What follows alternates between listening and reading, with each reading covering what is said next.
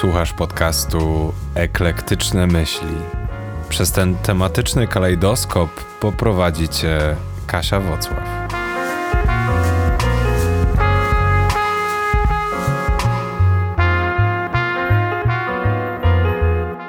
Cześć, cześć! Bardzo się cieszę, że odpalasz kolejny odcinek Eklektycznych Myśli. Powiem Ci, że to jest pierwszy odcinek, który nagrywam wiedząc, jak ten podcast będzie się nazywał i mega się z tego cieszę. Totalnie czuję tą nazwę, uważam, że chyba lepiej nie mogłam trafić. Jest to totalnie nazwa opisująca to, co się dzieje w mojej głowie na co dzień. Ten odcinek w ogóle pojawi się poza kolejnością, bo w sumie jest chyba odcinkiem szóstym z tych, które mam napisane, ale pojawi się już w najbliższy piątek od nagrania, bo jest to odcinek na Dzień Kobiet. Dzisiaj jest sobota, szósty dzień marca, za dwa dni mamy Dzień Kobiet. Czyli święto, które praktycznie w naszej kulturze funkcjonuje od zawsze. Może nie od zawsze, ale w Polsce obchodzimy go, obchodzimy go teraz, obchodziliśmy go za komuny. Ja w podstawówce pamiętam, jak chłopaki nam kupowali prezenty, czasem bardziej, czasem mniej udane. Myśmy też oczywiście chłopakom kupowały wtedy prezenty z okazji Dnia Chłopca we wrześniu. W pracy dostajemy upominki, Nasi mężowie, przyjaciółki dają nam upominki. Dzień Kobiet w ogóle wyewoluował przez ostatnie parę lat na takie święto mocno kobiece. Takie święto, przynajmniej w mojej bańce internetowej, na takie święto, które bardzo podkreśla to, jak fantastyczne są inne kobiety. I trochę odeszliśmy od tego takiego standardowego, historycznego podejścia goździka i rajstop, co absolutnie nie przeszkadza sklepom dalej na tym, słuchajcie, mega kapitalizować.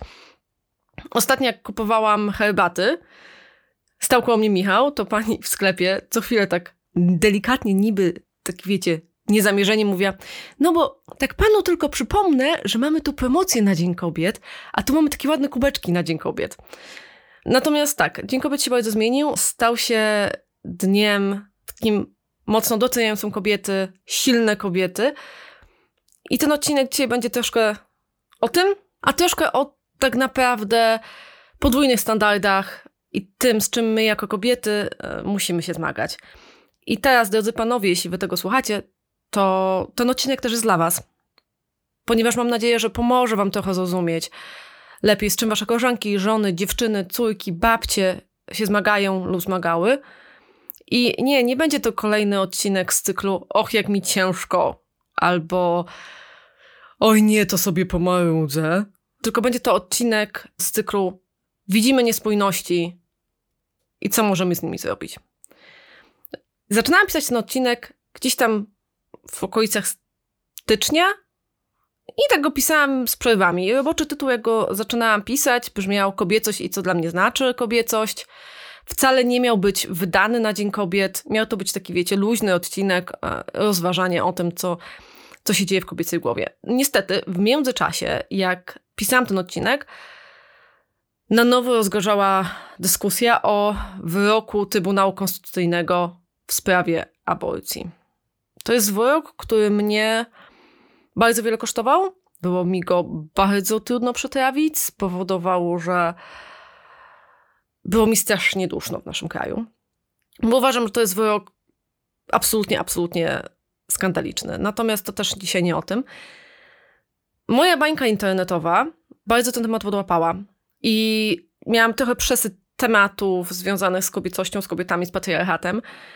Potrzebowałam się odciąć, uspokoić, bo zamiast, wiecie, konstruktywnych rozważań, miałam w głowie taką po prostu totalną papkę, chęć ucieczki przed całym światem i w ogóle taki totalny, totalny paraliż.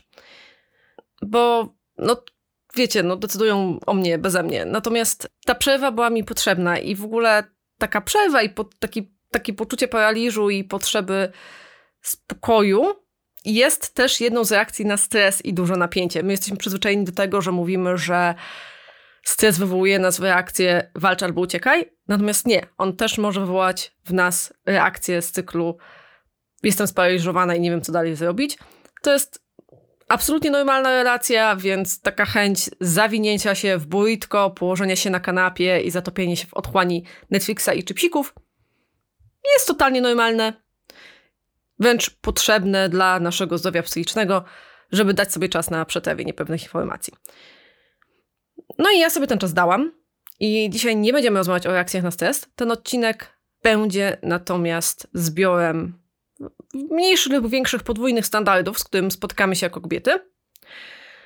A na końcu też porozmawiamy o tym, jak poznać te podwójne standardy i nasze nieświadome uprzedzenia, z których te podwójne standardy często wynikają.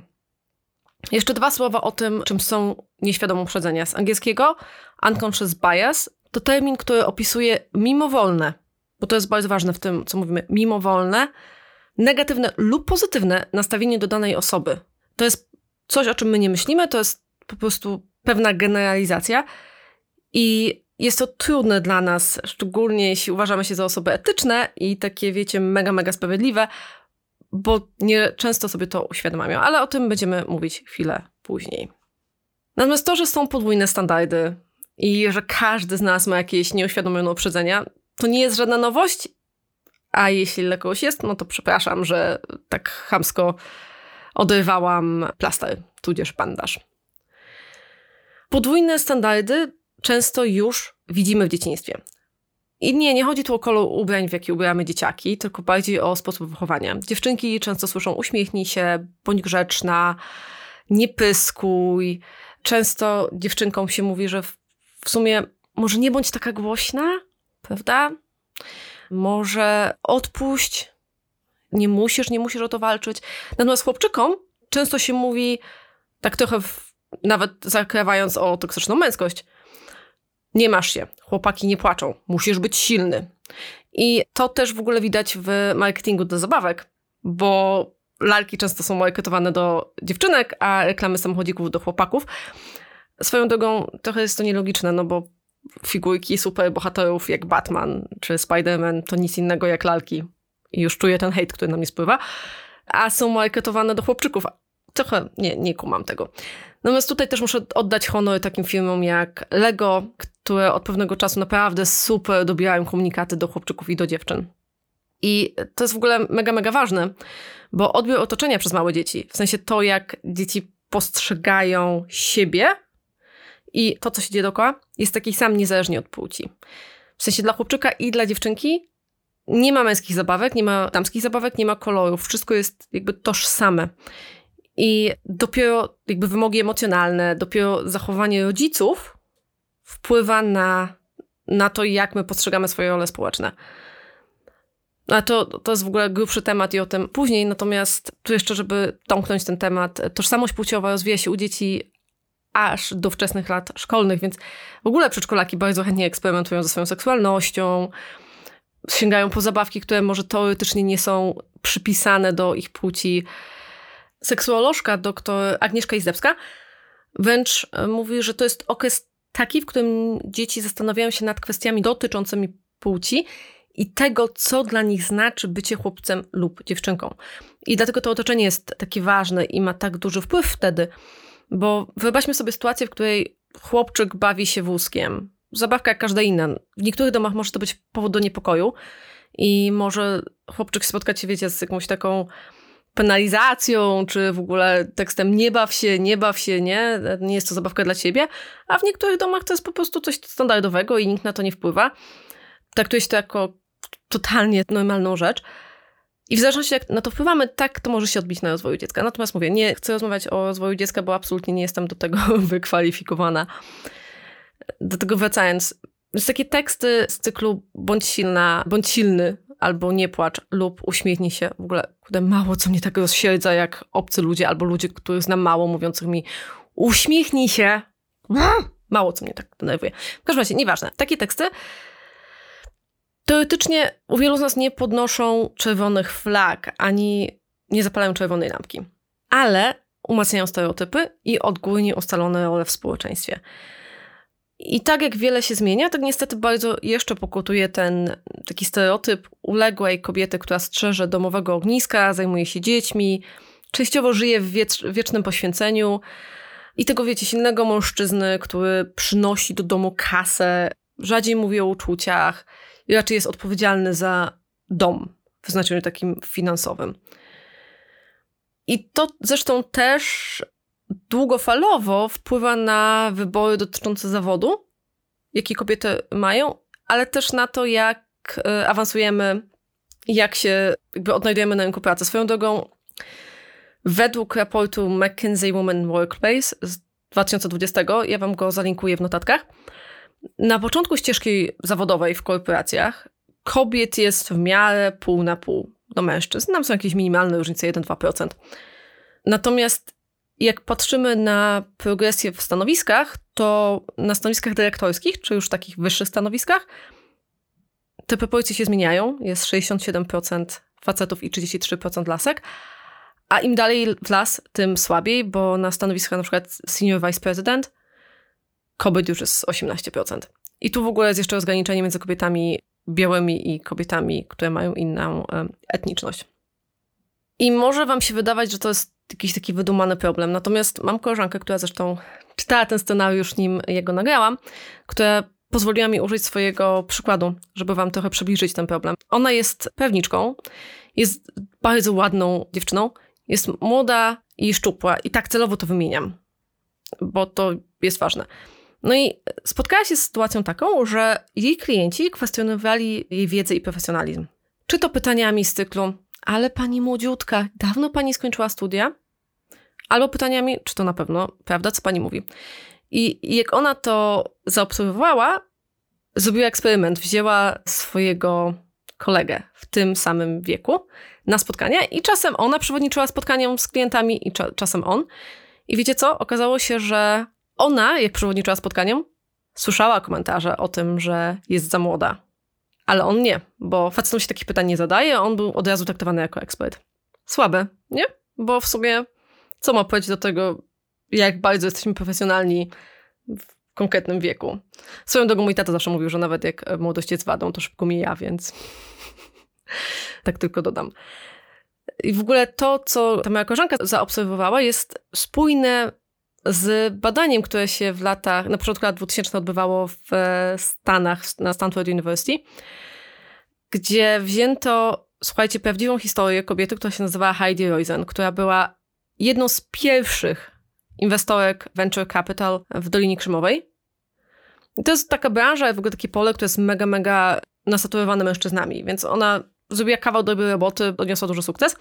No i pewnego dnia studentom przedstawiono dwa CV w ramach tego badania.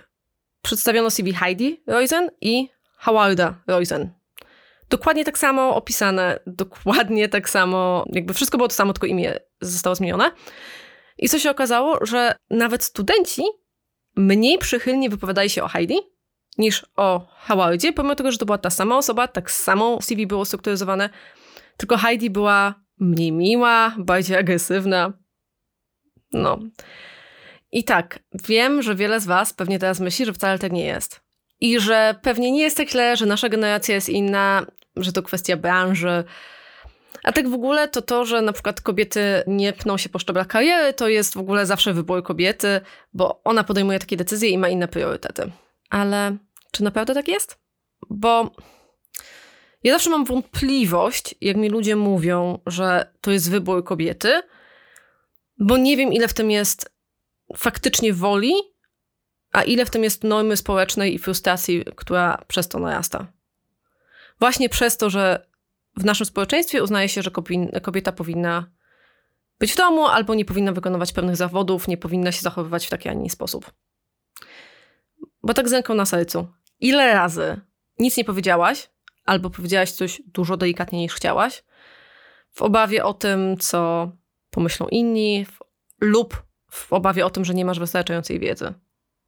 A przy okazji widzisz, że w sumie to facetom albo innym osobom zupełnie nie przeszkadza, szczególnie facetom w internecie, sorry, którzy notorycznie wypowiadają się bez pełnej wiedzy. Taki mechanizm podwójnych standardów, jeśli chodzi o łatwość w wypowiadaniu się, nazywa się w psychologii samouciszaniem. Kobiety, reagując na taką kobiecą normą, normę społeczną, czyli bądź grzeczna, bądź miła, nie wychylaj się. Po prostu same najczęściej stają się swoimi własnymi najgorszymi, najgorszymi krytyczkami i cenzorkami. Niejednokrotnie negocjujemy dla siebie niższe stawki, ciężko nam przychodzi mówienie o własnych osiągnięciach. Ciągle nam się wydaje, że umiemy dużo mniej niż nasi koledzy. Co więcej, tak jeszcze na marginesie, Są badania, które mówią o tym, że kobiety zwykle aplikują do pracy, jak mają 90 do 100% umiejętności, które są wymagane w aplikacji, a faceci tak z 60 i jakoś udaje im się dostać tą pracę. Więc wiecie.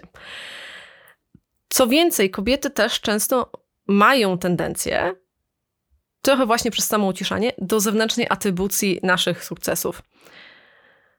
Co to znaczy tak z polskiego na nasze?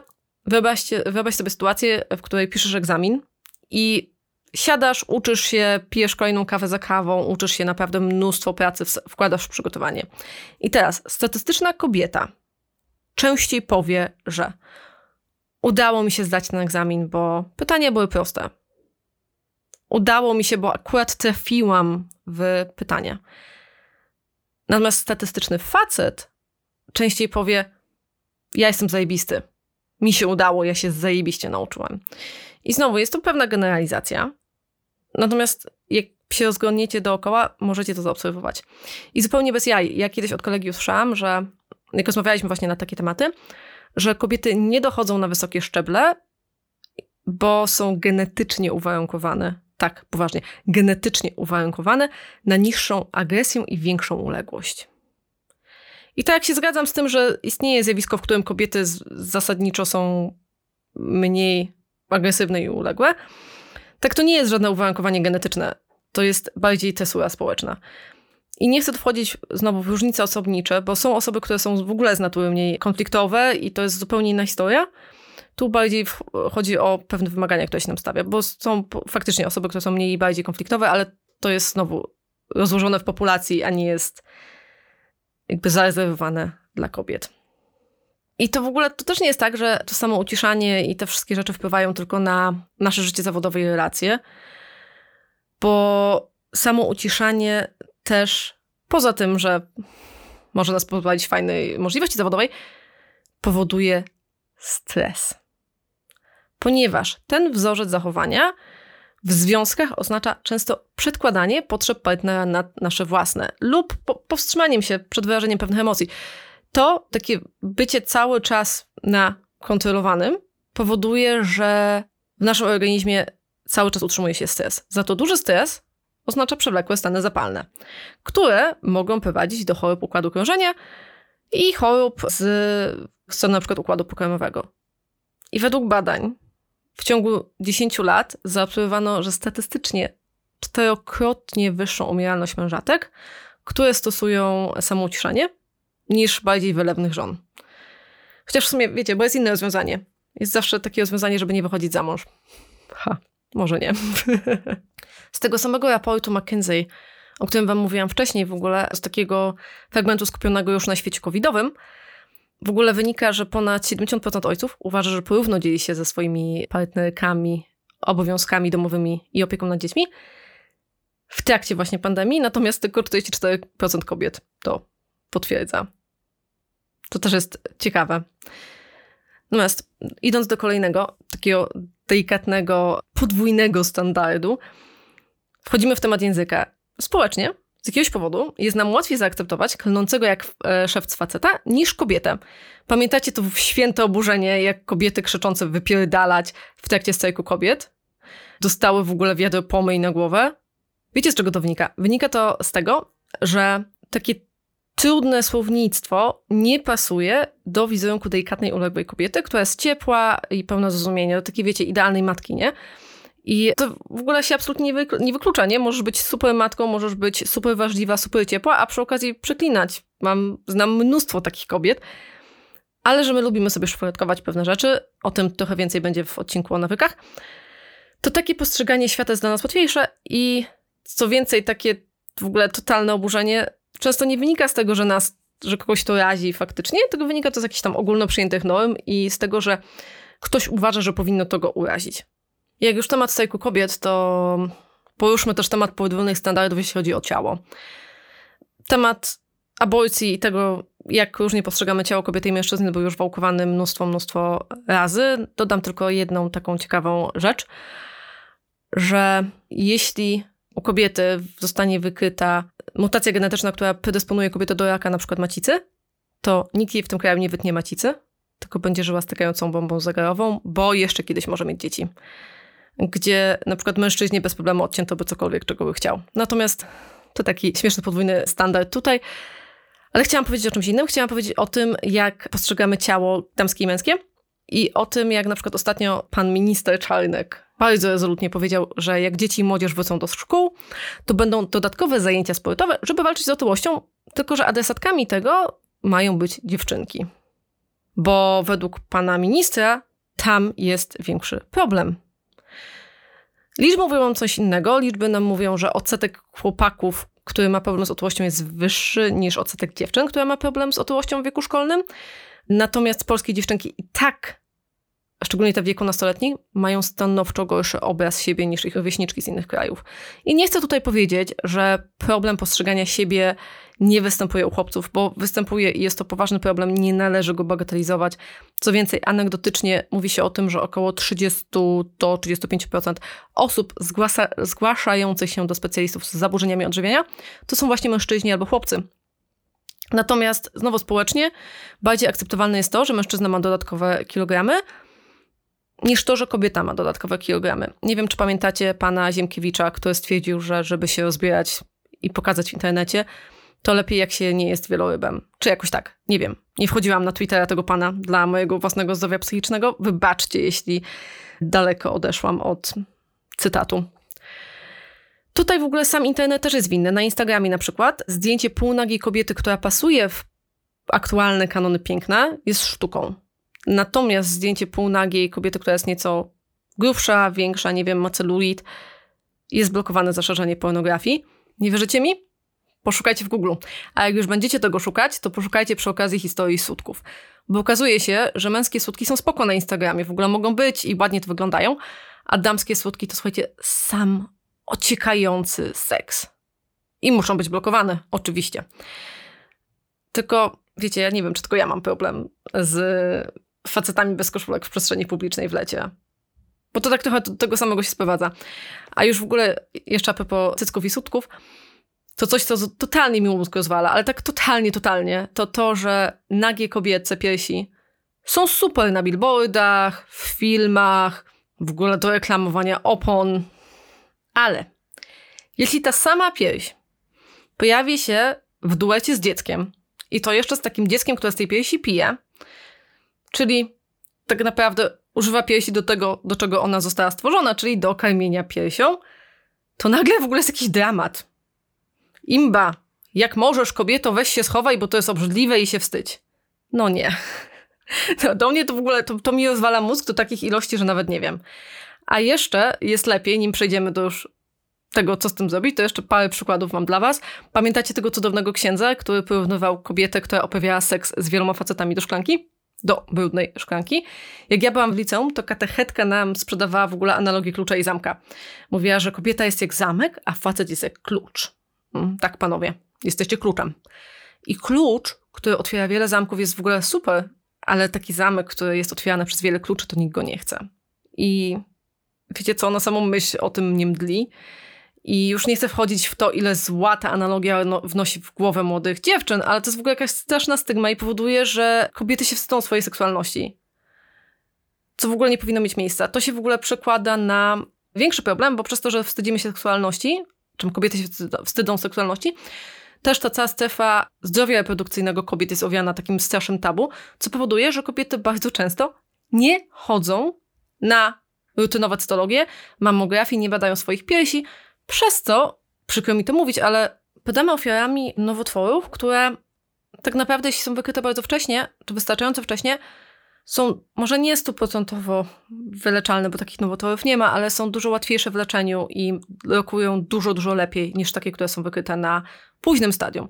Dlatego ten podwójny standard, jeśli chodzi o ciało kobiety, nie tylko jakby odbija się na estetyce, ale odbija się też na zdrowiu kobiet. Swoją drogą, jak sobie pozbieramy te wymagania co do ciała kobiet i zachowania kobiet, to mamy taką małą schizofrenię, nie? Kobieto, musisz być ładna i estetyczna, ale uważaj, bo jak ubierzesz za krótką sukienkę, to będziesz dziwką, jak nie ubierzesz żadnej sukienki, to nie będziesz wystarczająco kobieta, jesteś za gruba, to schudnij, jesteś za chuda, to przytyj, zbyt obcisła sukienka podkreśli twoje fałdki, zbyt workowata zakryje twoje żeńskie atrybuty. I w ogóle ja, ja jestem w tym totalnie pogubiona, robię to, co uważam za słuszne, natomiast ten cały temat wyglądu kobiet świetnie zobrazowała e, Cynthia Nixon w filmiku na YouTubie Be a Lady. I jak myślicie, że już powoli wyczerpałam te podwójne standardy, mm, to nawet nie jestem blisko. Okej, okay, jestem w miarę blisko, już prawie kończymy i zajmiemy się drugą stroną medalu. Jeszcze tylko chcę wam powiedzieć a propos zdrowia kobiety o jednej bardzo ważnej rzeczy. Są badania, które mówią o tym, że jak kobieta skarży się na ból, to statystycznie potrzeba więcej czasu, żeby ktoś to potraktował poważnie. Czyli dłużej czeka na lek przeciwbólowy, dłużej czeka na diagnostykę i w ogóle jest to zrzucane na karp takiego hmm, poboli, poboli i przestanie. Co jest nie tylko dlatego mega słabe, że życie z bólem jest też stresem dla naszego organizmu, ale też dlatego, że przez to, że ten ból nie jest traktowany na tyle poważnie, na ile on powinien być traktowany, bo kobietom się często też przypisuje hipochondrię, to opóźnia to diagnostykę wielu chorób. Ja na przykład pamiętam taką sytuację, jak miałam mieć wykonywany zabieg i potrzebowałam mieć do tego znieczulenie, więc musiałam mieć zainstalowany Venflon. I nie był to pierwszy raz w życiu, kiedy miałam Venflon zakładany. I wiem, że to nie powinno jakoś mega turbo boleć. Wtedy bolało strasznie. I mówię, proszę panią tą, która mi ten Venflon zakładała, czy nie mogłaby być odrobinę delikatniejsza, bo boli. On mówi, o, jakaś taka pani wrażliwa, jak pani będzie rodzić dzieci, to dopiero pani zobaczy, co to jest ból. I powiem wam, że mi szczena opadła i nie wiedziałam za bardzo, co na to odpowiedzieć, bo dla mnie to graniczyło odrobinę z sadyzmem. No boli, więc zrób to delikatniej. Dobra, koniec z wymienianiem tych podwójnych standardów. Ja się też troszkę e, pod koniec podekscytowałam. Natomiast teraz chciałam trochę z wami porozmawiać o tym, co zrobić, żeby te podwójne standardy poznać i żeby zobaczyć, czy mamy w sobie te nieuświadomione uprzedzenia. Na początek parę podstaw. Czyli błędy poznawcze, które według różnych badań mają wpływ na nasze nieuświadomione uprzedzenia. Podstawowy błąd atrybucji jest pierwszym z nich. To jest taka sytuacja, w której zakładamy, że ludzie zachowują się w określony sposób ze względu na jakąś konkretną cechę charakteru czy na przykład pochodzenie, a nie w reakcji na okoliczności środowiskowe, czyli na przykład kobiety to źli kierowcy. Błąd atrybucji grupy to jest kolejny błąd poznawczy. Tu zakładamy, że cecha jakiegoś przedstawiciela lub przedstawicielki grupy dotyczy całej grupy i są one uogólniane wtedy w naszej głowie na całą grupę. Czyli na przykład poznałam kiedyś takiego studenta z Politechniki Wrocławskiej, który nie lubił dużo imprezować. Stąd wnoszę, że studenci z Politechniki Wrocławskiej nie imprezują. Wszyscy wiemy, że to tak nie do końca działa. Faworyzacja własnej grupy to jest sytuacja, w której my przypisujemy pozytywne cechy i motywy osobom, które są podobne do nas.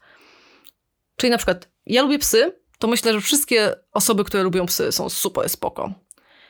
Później jest jeszcze efekt potwierdzenia, czyli e, poszukujemy i interpretujemy, faworyzujemy wręcz informacje, które mają potwierdzić nasze wcześniejsze poglądy. To jest w ogóle mega częste teraz e, w, przy naszej polaryzacji społeczeństwa i przy tym takim wpadaniu we własne bańki.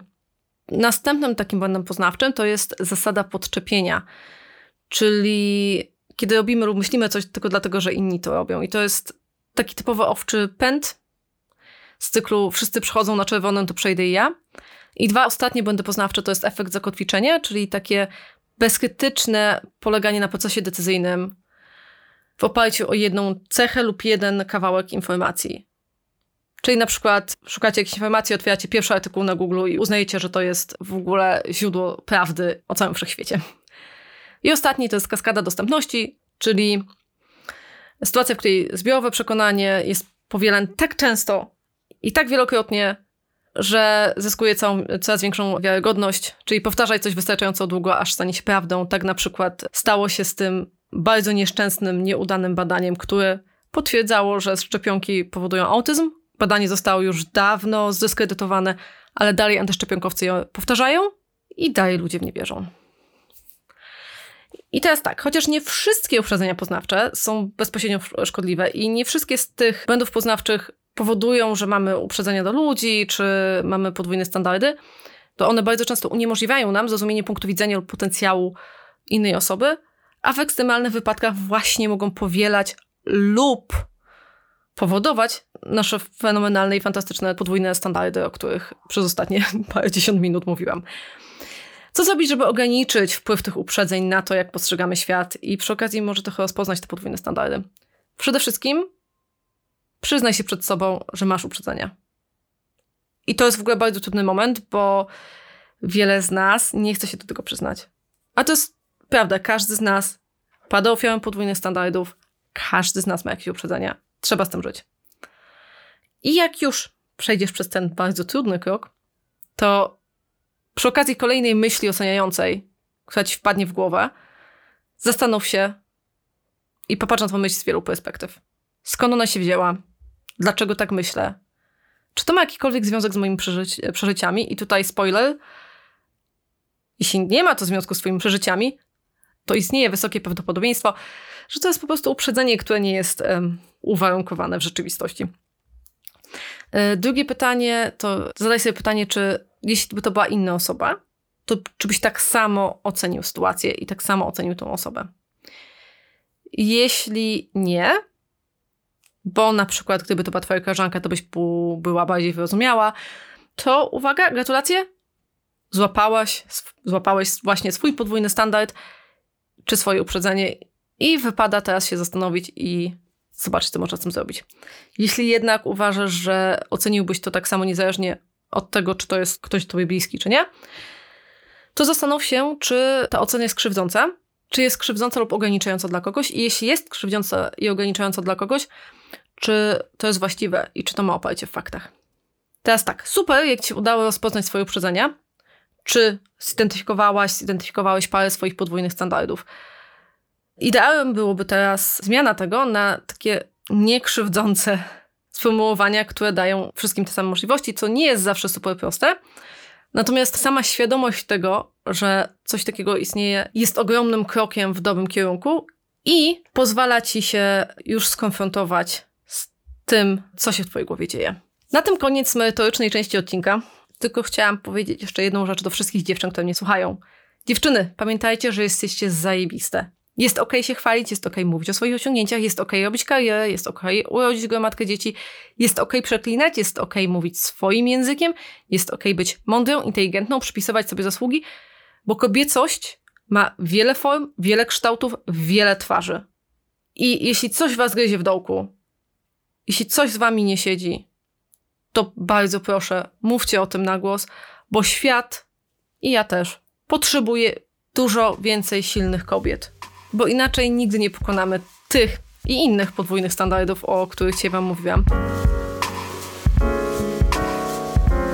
Na moim Insta dzisiaj też pojawił się post na ten temat. Przypominam, projekt.gotowanie. Dajcie mi znać w komentarzu, z jakimi wyście się spotkały podwójnymi standardami albo co obserwujecie. Tymczasem życzę Wam cudownego weekendu, do usłyszenia za tydzień i dziewczyny pamiętajcie, jesteśmy zajebiste.